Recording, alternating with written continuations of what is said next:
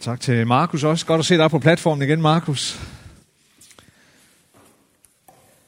Inden jeg øh, tager fat på det, jeg sådan har forberedt her, så øh, vil jeg bare lige dele noget mere som en tanke, som kom til mig, da vi gik i gang med gudstjenesten her, som, ja, som måske er et ord til, til, til nogen her i dag. Jeg, jeg blev sådan mindet om det her Jesus-ord fra evangelierne, hvor der er nogle mennesker, nogle skriftkloge, nogle farisæer, som kommer hen til Jesus for at sætte ham på prøve. Øh, ikke fordi de vil lære noget af ham, øh, men fordi de vil fange ham i et eller andet. Det, det gjorde de igen og igen, fordi han, Jesus brød de sig ikke om, fordi han forstyrrede dem. Han forstyrrede dem i deres religiøsitet og deres traditioner. Præcis ligesom han gør med os. Hvis vi stivner i religiøsitet og traditioner, så kommer han også før eller siden og forstyrrer os, øh, tror jeg. Og de, øh, så de kommer og vil fange ham øh, med, med, med et eller andet finurligt teologisk spørgsmål. Og øh, den her dag, der havde de fundet på at, at, at spørge ham om Jesus. Sagde de til ham, er det, skal vi, øh, er det rigtigt at give, øh, betale skat til kejseren? Og, øh, og, øh, og, så, øh, og så, siger, så siger Jesus, at han stiller dem et modspørgsmål. Det gjorde han ofte. Så siger han, jamen, øh, øh, vis mig en mønt, og så hvad, hvis, hvis øh, inskription, øh, øh, hvis, hvis øh, billede øh, bærer den her mønt, jamen det er kejserens. Øh, den romerske kejser. Godt så, siger Jesus. Så giv kejseren, hvad kejserens er. Og så får han til, og Guds. Og giv Gud, hvad Guds er. Og det er sådan lidt kryptisk. Ikke? Altså, hvad, hvad mener Jesus egentlig? Jeg tror, det han mener, det er, at, og bliver bare sådan lige mindet om her, at jamen, øh, der er nogle ting, vi er, vi er, vi er forpligtet af, i, i, bare det ved at tilhøre det her samfund. Selvfølgelig er vi forpligtet øh, af at sikre, at øh, det samfund, vi er en del af, det vedbliver at være godt. Så der har vi nogle forpligtelser. Og, og, øh, og, øh, og derfor så, da, de var, da mønten nu viste kejserens billede, da det var kejserens billede, der var præget ind i mønten, jamen, det viser også jeres forpligtelser over for det samfund, I er en del af. Og så tror jeg, at Jesus han føjer til, men hvis billede er præget ind i dit hjerte, det er Guds billede, jamen så giv Gud, hvad Gud er. Giv ham dit hjerte. Og så kan du sagtens give kejseren det, kejserens er. De mønter, du har i lommen. Giv Gud, hvad Gud er. Dit hjerte. Det er langt vigtigere. Øhm. Og måske er du her i dag, som, hvor Gud udfordrer dig. Giv nu mig det, der tilhører mig. Giv mig nu dit hjerte. Kære Jesus, tak fordi at du elsker os, og tak fordi du inviterer os, og du kalder på os til at give dig det, som tilhører dig. Til at give dig, far, det, der tilhører dig i vores hjerte. Fordi dit ansigt, din hånd er præget ind i vores hjerte. Hjælp os til hver eneste dag, her og lægge vores liv i dine hænder og giv dig det, som er dit. Det, som tilhører dig. Det, som tilkommer dig i vores liv. I Jesu navn. Amen. Vi kender godt alle sammen det her, tror jeg. Det her med at blive inviteret til en stor, fin fest. Um, en dag så dropper der et meget flot, veldekoreret brev ind af brevsprækken, eller måske får du det i din inbox på computeren. Um, en invitation. Og for de fleste af os, så er det da en glædelig uh, begivenhed at få sådan en invitation. Det kan vi godt lide. Vi bliver glade. Vi føler os værdsat. Er det ikke rigtigt? Øh, øh, øh, vi glæder os over, at oh, det er en anledning til at få det fine tøj på. Det er en anledning til at komme ud og spise noget lækkert og, og dyrt mad, sikkert. Øh, men måske er det ikke så meget det, dybest set, der vejer allertungest, selvom det også er, er vigtigt. Nej, måske er den største glæde ved at modtage sådan en invitation, det er, når vi reflekterer over den tanke, som ligger bag hos øh, den eller dem, som har inviteret dig til festen. Wow, tænk, at de vil have mig med. De offer mange penge på den fest, og så betyder det noget for dem, at jeg skal med. Det gør os da glade, er det ikke rigtigt? Den tanke betyder noget for os. Øhm. Og nu vil jeg lige læse et afsnit fra det nye testamente, som, som handler om en invitation. Og øhm, jeg har desværre ikke fået lavet nogle slides til i dag. Det beklager jeg rigtig meget. Øh, jeg ved ikke, Astrid, fandt du teksten derop? Kan vi få den frem? Sådan. Tak, Astrid. Det er Johannes evangeliet, det første kapitel. Og øh, fra vers 35, der står der sådan her. Næste dag stod Johannes der igen med to af sine disciple. Han ser Jesus komme gående og siger, se, der er Guds lam. De to disciple hørte, hvad han sagde og fulgte efter Jesus. Da Jesus vendte sig om og så dem følge efter, sagde han, hvad vil I? De svarede, Rabbi, hvor bor du? Rabbi betyder mester. Han sagde til dem, kom og se. De gik med og så, hvor han boede, og blev hos ham den dag. Det var ved den tiende time. Andreas, Simon Peters bror, var den ene af de to, som havde hørt, hvad Johannes sagde, og var fuldt efter Jesus. Først møder han sin bror Simon og siger til ham, vi har mødt Messias. Det betyder Kristus. Han tog ham med hen til Jesus. Da Jesus så ham, sagde han, du er Simon, Johannes' søn. Du skal kaldes Kefas. Det er det samme som Peter. Næste dag vil han tage til Galilea og møder Filip. Jesus siger til ham, følg mig. Filip var fra Bethsaida, fra samme by som Andreas og Peter. Philip møder Nathanael og siger, og siger til ham, ham som Moses har skrevet om i loven, og lige så profeterne, ham har vi mødt. Jesus, Josefs søn fra Nazareth. Nathanael spurgte, kan noget godt komme fra Nazareth? Philip sagde til ham, kom og se.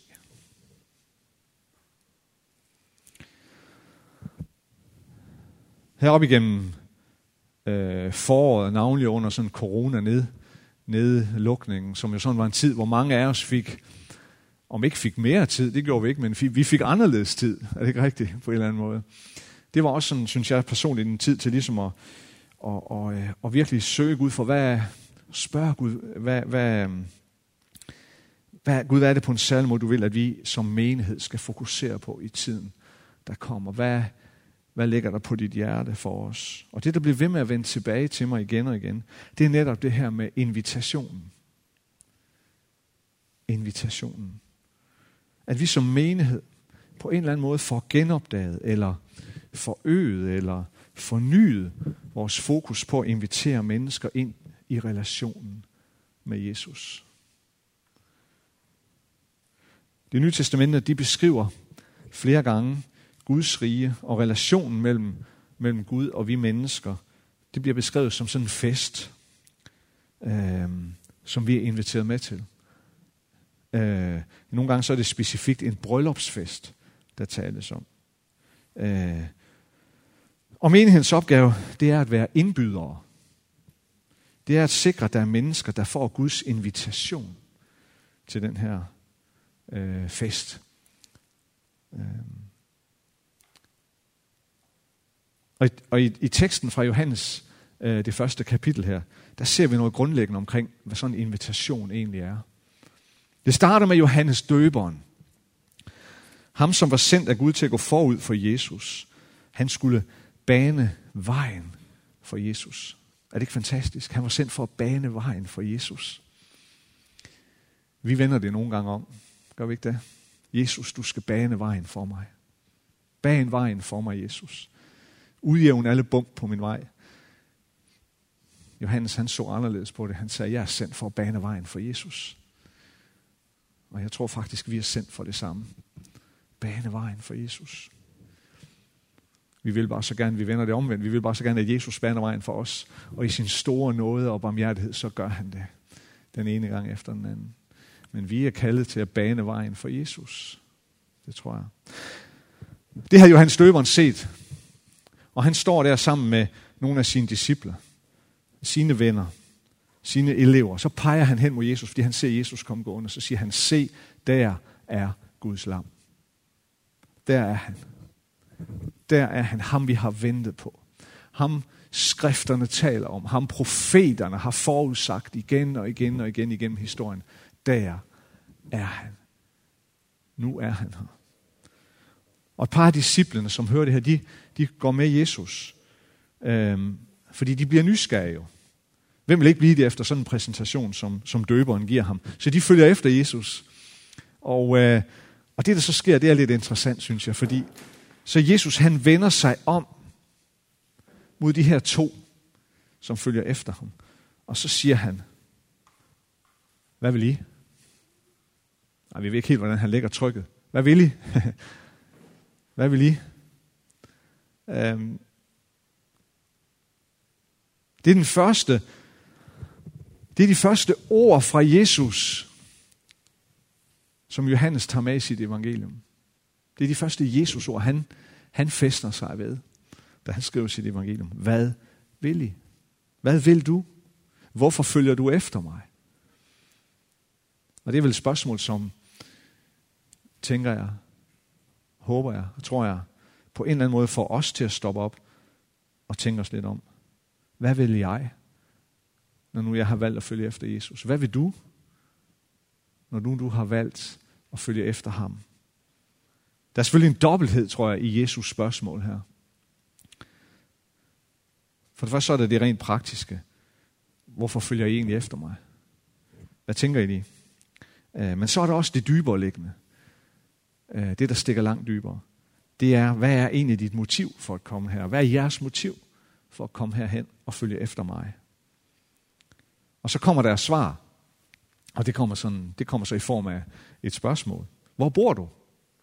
siger de. Så de var ude efter et sted at være, et sted at opholde sig. Også deres svar er sådan lidt dobbelttydigt, fordi øh, igen, der var, det, der var det rent praktiske. Det var blevet sent. Øh, så de havde nok brug for et sted at overnatte. De kunne ikke sådan lige tage hjem. Øh, og det kunne så være i det hus, øh, håbede de nok på, hvor Jesus også boede. Øh, så det var det rent praktiske. Men der, der var også noget andet. Der var, jo, der var også hos dem det dybere liggende. Når Johannes skriver, at de blev hos ham den dag, så bruger Johannes, øh, så bruger han et græsk ord, øh, som i sin form egentlig betyder at blive, men blive varigt, vedvarende. Så det er et udtryk for, at de her, når, når de stiller det her spørgsmål, øh, hvor, hvor bor du? Og det her med, som Johannes så forklarer, de blev hos Jesus den dag, det er et udtryk for, at de havde en længsel nok efter en, det var mere end et sted at overnatte, det var en, en blivende relation med Jesus, de havde brug for, og som de længtes efter. Så de spørger ham, hvor bor du? Og så siger Jesus det her, som faktisk bliver gentaget lidt senere også, øh, i samme kapitel. Øh, af Philip. Jesus han siger, kom og se. Kom og se. Det her, det tror jeg er langt mere end bare tre ord. Det det er med, det indeholder noget så grundlæggende og så fundamentalt, tror jeg. Øhm, hos, de forskellige evangelister, de, de, de beskriver Jesu første ord, eller det de først skriver op om, om Jesu ord, de beskriver de forskelligt. Øh, de hæfter sig ved noget forskelligt. Hos Markus for eksempel, der lyder nogle af de første ord fra Jesus sådan her. Guds rige er kommet nær. Omvend jer og tro på evangeliet. Hos Johannes, der hedder det, kom og se. Det er det, han fæstner sig ved. Men det er for mig at se to sider af den samme sag. Jeg tror, det er to måder at sige det samme på. Evangeliet er en invitation. Det er Gud, som inviterer dig. Det er Gud, som har dækket op til den store, fine fest. Og du er inviteret. Kom og se, siger Jesus. Kom og se. Det er invitationen. Den kristne tro, det at være en kristen, det at være en efterfølger af Jesus, det er ikke en filosofi. Det er ikke en religion i, den, i gængs forstand. Nej, det er en relation.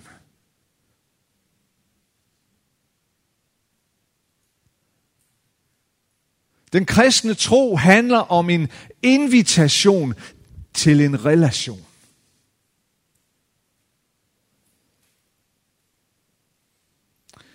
Og jeg synes, det er en vidunderlig fortælling, det her. Det er, en, det er sådan en vidunderlig story. Øh, og en fortælling med, med, med en rytme, med et forløb. Det starter med, Johannes Døberen, han siger til nogle af sine venner, Se, siger han, se, der er han. Se, der går han. Guds lam. Et andet sted siger han, der er Guds lam, som bærer verdens synd. Og det kunne døberen jo ikke sige uden en vis erfaring. Han vidste det på en eller anden måde. Om der var tale om, om den guddommelige åbenbaring, som døberen havde fået, eller om han havde, havde nogle møder med Jesus, som vi måske ikke ved så meget om. Øhm, det ved vi ikke rigtigt. Det kan være begge dele jo.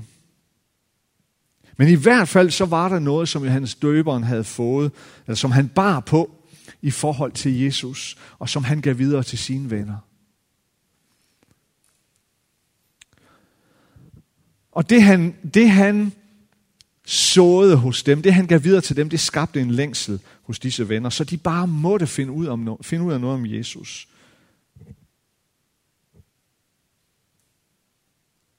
Og når de bare åbnede var en lille smule på klem for den længsel, det var nok til, at Jesus sagde, kom og se. Kom selv og se. Og sådan går det fra den ene person til den næste. Den ene inviterer den anden, sådan beskriver Johannes det her. Den ene inviterer den næste. Kom og se. Kom og se. Så der er sådan et, der er sådan en rytme. Og i den her rytme, der sker der også noget interessant med de mennesker, som bliver involveret i det. Det starter med invitationen, kom og se. Kom selv og se. Det starter med, at mennesker bliver draget hen imod det lam, som bærer verdens synd.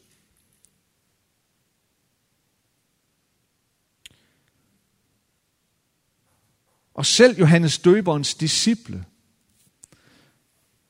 som vi helt klart var, må formode var jøder, var opdraget i den jødiske tro,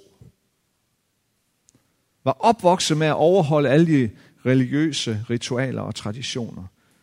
De blev klar over, de blev klar over, at det var ligesom ikke nok. Der var noget, de manglede. Der var noget mere, de længtes efter.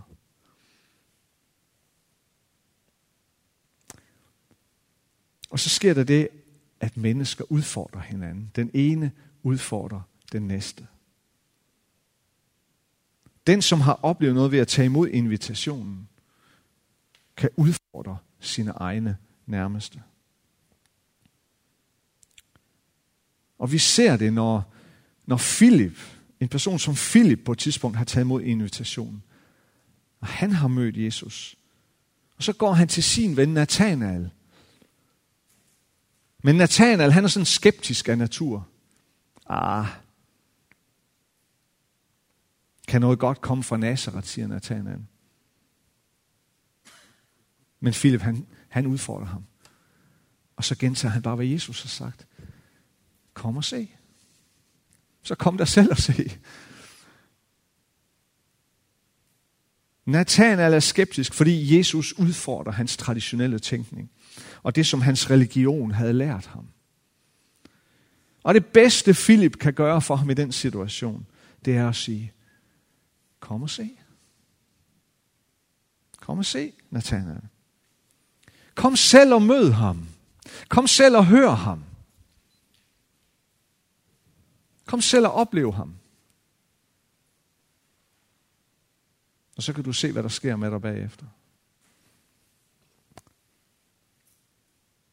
Og det tredje, der sker, det tredje, der sker her, det er, når de har taget imod invitationen, ja, så møder de Jesus selv. Så møder de Jesus selv. Det gør Simon også.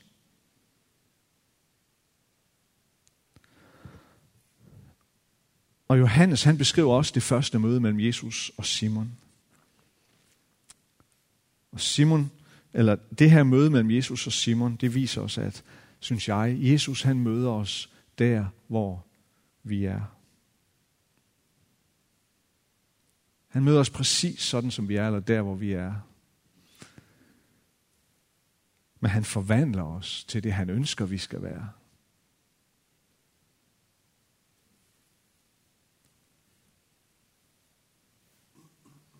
For det allerførste, Jesus han siger til Simon, det er, du hedder Simon, din far hedder Johannes, nu skal du hedde Kefas. Og så hjælper Johannes os til at forstå sådan det sproglige her, ikke? at det betyder det samme som Peter. Øhm, rent sprogligt, så er der, at det betyder faktisk klippe. Men der er en lille sproglig finesse i forhold til, fordi Jesus omtales, Jesus er også klippen. Men Kefas øh, betyder måske nærmere lille klippe. Nu skal du hedde den lille klippe. Fordi du er kommet til klippen.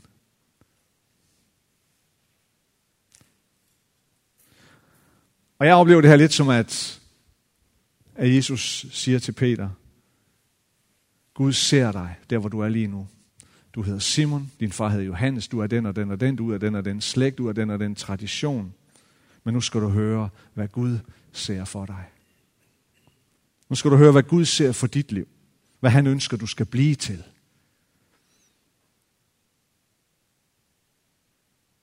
Kom som du er. Kom som du er. Det er et af de udtryk, vi gerne vil, vil have, skal være tydeligt for enhver, som kommer til Belkirken. Det er en kultur, det er en, en tradition, eller det er en stil, om man vil, som vi rigtig gerne vil, skal præge vores fællesskab. Kom som du er. Og det, at det må være tydeligt for enhver, som kommer inden for dørene. Men så skal vi også lægge til, forvent ikke, at du går, som den du kom.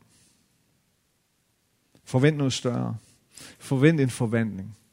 Forvent, at der sker noget med dig, når Jesus får lov til at møde dig. Kom og se. Jeg tror, øh, jeg tror nok dybest set, at hos de allerfleste af jer, eller rigtig mange af jer, som er her i dag, at du er her, fordi der på et eller andet tidspunkt var et eller andet menneske, som sagde til dig, kom og se. Kom og se. Det er ikke sikkert, at det bliver brugt lige de ord. Men jeg tror, rigtig mange af jer er her i dag, fordi der på et eller andet tidspunkt var en, der gav dig en invitation. Prøv lige at tænke tilbage i dit liv. For nogle af jer, så skal I ikke særlig langt tilbage, og nogle af jer skal lige... lige nogle af os skal lige langt tilbage, men så hjælper det lidt, at vi har nået en alder, hvor vi, net, vi kan sagtens huske de ting, der skete for 30-40 år siden. Men vi har glemt, hvad vi fik til middag i går. Er det ikke rigtigt? Eller... Men, men øh... prøv lige at ringe Hvor mange af jer kan sådan lige identificere, at jeg er her, fordi der var en, der sagde til mig, kom og se. Eller gav mig en invitation. Ja. Det tror jeg bare, at de fleste af os.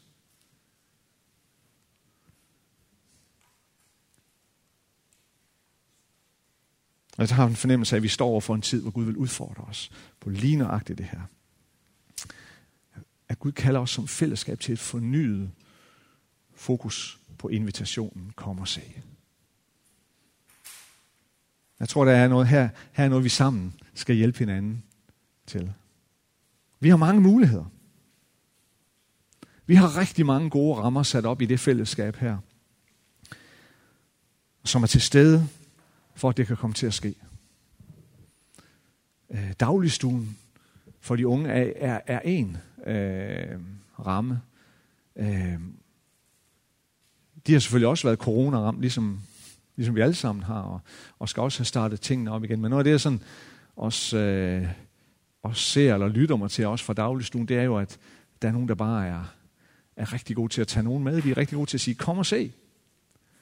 Det er også det, det, det er sågar nogen, der siger, kom og se, fordi de har ikke engang selv taget imod. øh, Jesus kommet dertil måske, men er på en eller anden vandring, og så tager de deres venner med. Der er lige noget, du skal se. Det er da fantastisk. Men vi har masser af andre rammer. Foodbank. At vi deler overskudsmad ud en gang om ugen. Så kommer 30, 40, 50 mennesker øh, ind og får del i øh, øh, noget gratis mad. En fantastisk tjeneste. Men det er også en fantastisk mulighed til at give invitationen. Kom og se. Der tror jeg, der tror jeg vi har nogle fantastiske rammer, som vi skal blive endnu bedre til at udnytte. At, at, at invitationen, kom og se, altid er stærk, altid er nærværende, samtidig med, at vi deler mad ud til mennesker. Øh, åstedet, dagtræf, fantastiske rammer, hvor vi, og muligheder for, at vi kan have den her levende invitation. Kom og se. Kom selv og se. Kom og se. Det er nogle fantastiske ord, når vi sætter dem ind i en referenceramme, der hvor det er Gud, vi taler om. For at vi skal kunne sige, kom og se. Så på en eller anden måde, så må vi jo selv have kommet og set. Et langt stykke af vejen i hvert fald. Vi må selv have været der. Vi må have gjort den erfaring, at vores eget liv er blevet berørt på et eller andet tidspunkt. At vores eget liv er blevet forvandlet på et eller andet tidspunkt. Og vi må have en erfaring af, at vi kommer dertil igen og igen. At vi kommer til den kilde igen og igen og drikker af den. At vi igen og igen kommer og ser, for det er jo ikke kun en engangsforetagelse. Jeg tror, vi igen og igen skal komme og se. Og dernæst så må det også have berørt os i en sådan grad, at, at noget af det vigtigste for os i vores liv, det er at bringe andre derhen, hvor de kan komme og se. At det er noget af det vigtigste for os i vores liv. At andre må komme og se det, jeg selv har set. At det er det vigtigste for mig. Og for det tredje, så udfordrer det også vores tro. At sige, kom og se til et andet menneske. Det udfordrer vores tro. For det at sige til et andet menneske, og tage et andet menneske ved hånden og sige, kom og se, det indebærer jo rent faktisk, at vi tør tro på, at når vi gør det, når vi bringer et andet menneske derhen, så sker der rent faktisk noget. Så tror jeg rent faktisk på, at så gør Gud noget i det andet menneskes liv. Så griber han rent faktisk ind. Så handler han.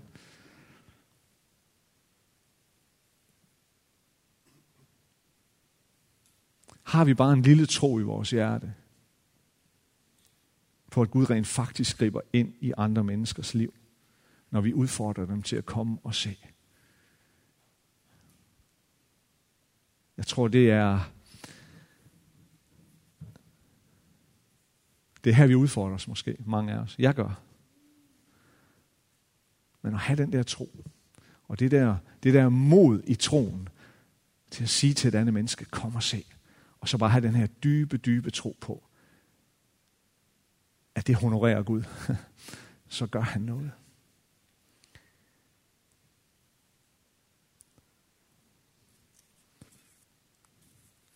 Skal vi bruge nogle øjeblikke, nogle sekunder på at sidde øh, og bare være stille. Øh, og komme ind for Gud. Og øh, så går vi om lidt over i, i, øh, i lovsang. Øh, Edith og Jenny, I må gerne komme herop. Øh,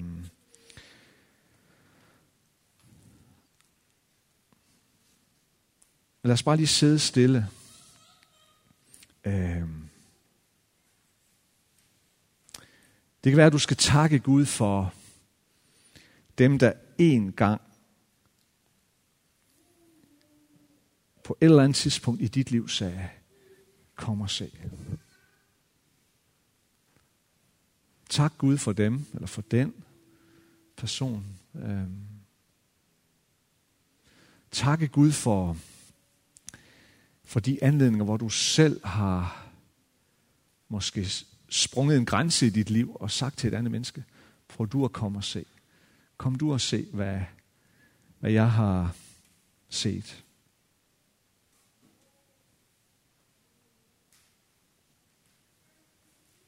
Men måske bare sidde stille og lad Helligånden tale til dig. Lad Helligånden tale til dig og sige, hvad det er, hvad det er, Helligånden kalder dig.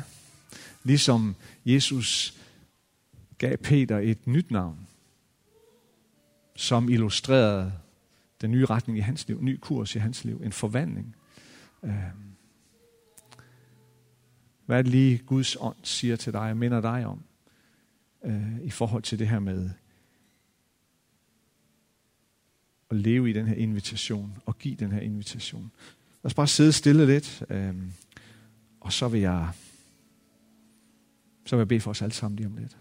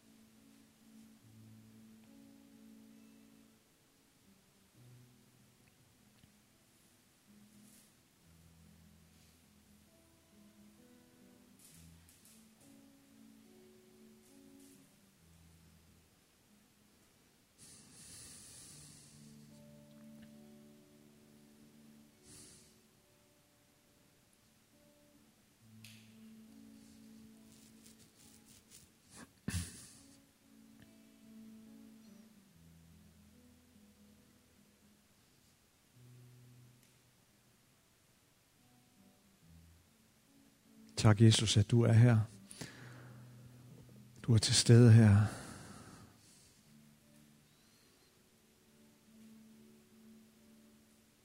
Ved din hellige ånd.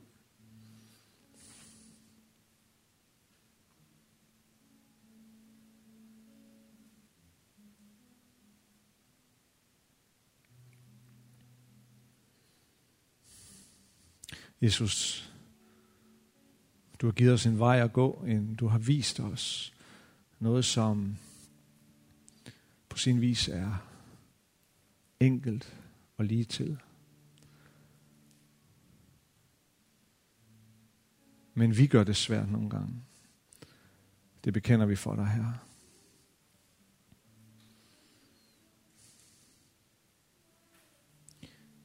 Vores manglende tro, vores manglende mod, svigtende frimodighed. Øhm.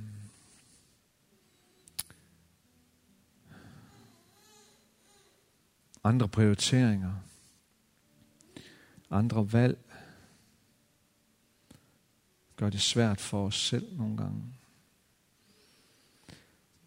Men tak fordi, at du er nådig gang på gang på gang. Jesus, tak for dem, som inviterede mig. Dem, som inviterede os på et eller andet tidspunkt. Tak for dem, der kom og sagde, kom og se. Tak for dem, som sagde, der er noget, du ikke må gå glip af. Der er noget, du aldrig må miste i dit liv.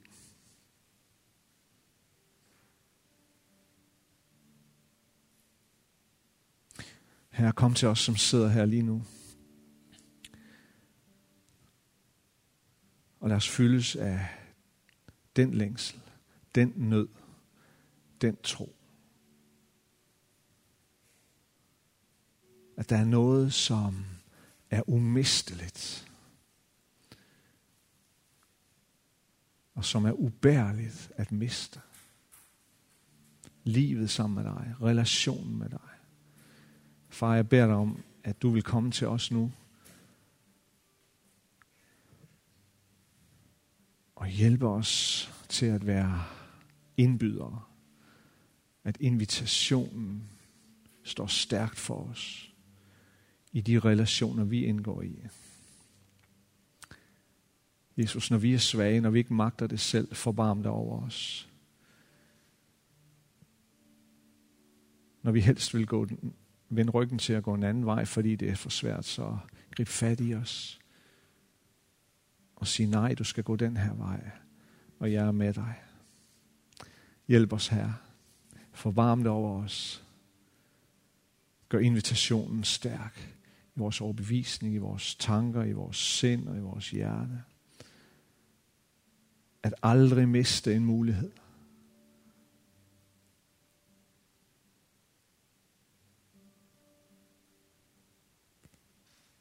Herre, giv os bare en lille tro. Fordi vi ved, at når vi giver den til dig, så er det en stor tro her. Troen på, at du rent faktisk gør noget, når vi inviterer. Troen på, at når vi siger, kom og se til et andet menneske, jamen så vil du vise dig, så vil du lade dig se for det andet menneske. Det beder vi om her. Gør det stærkt i os og for os og med os. I Jesu navn. Amen.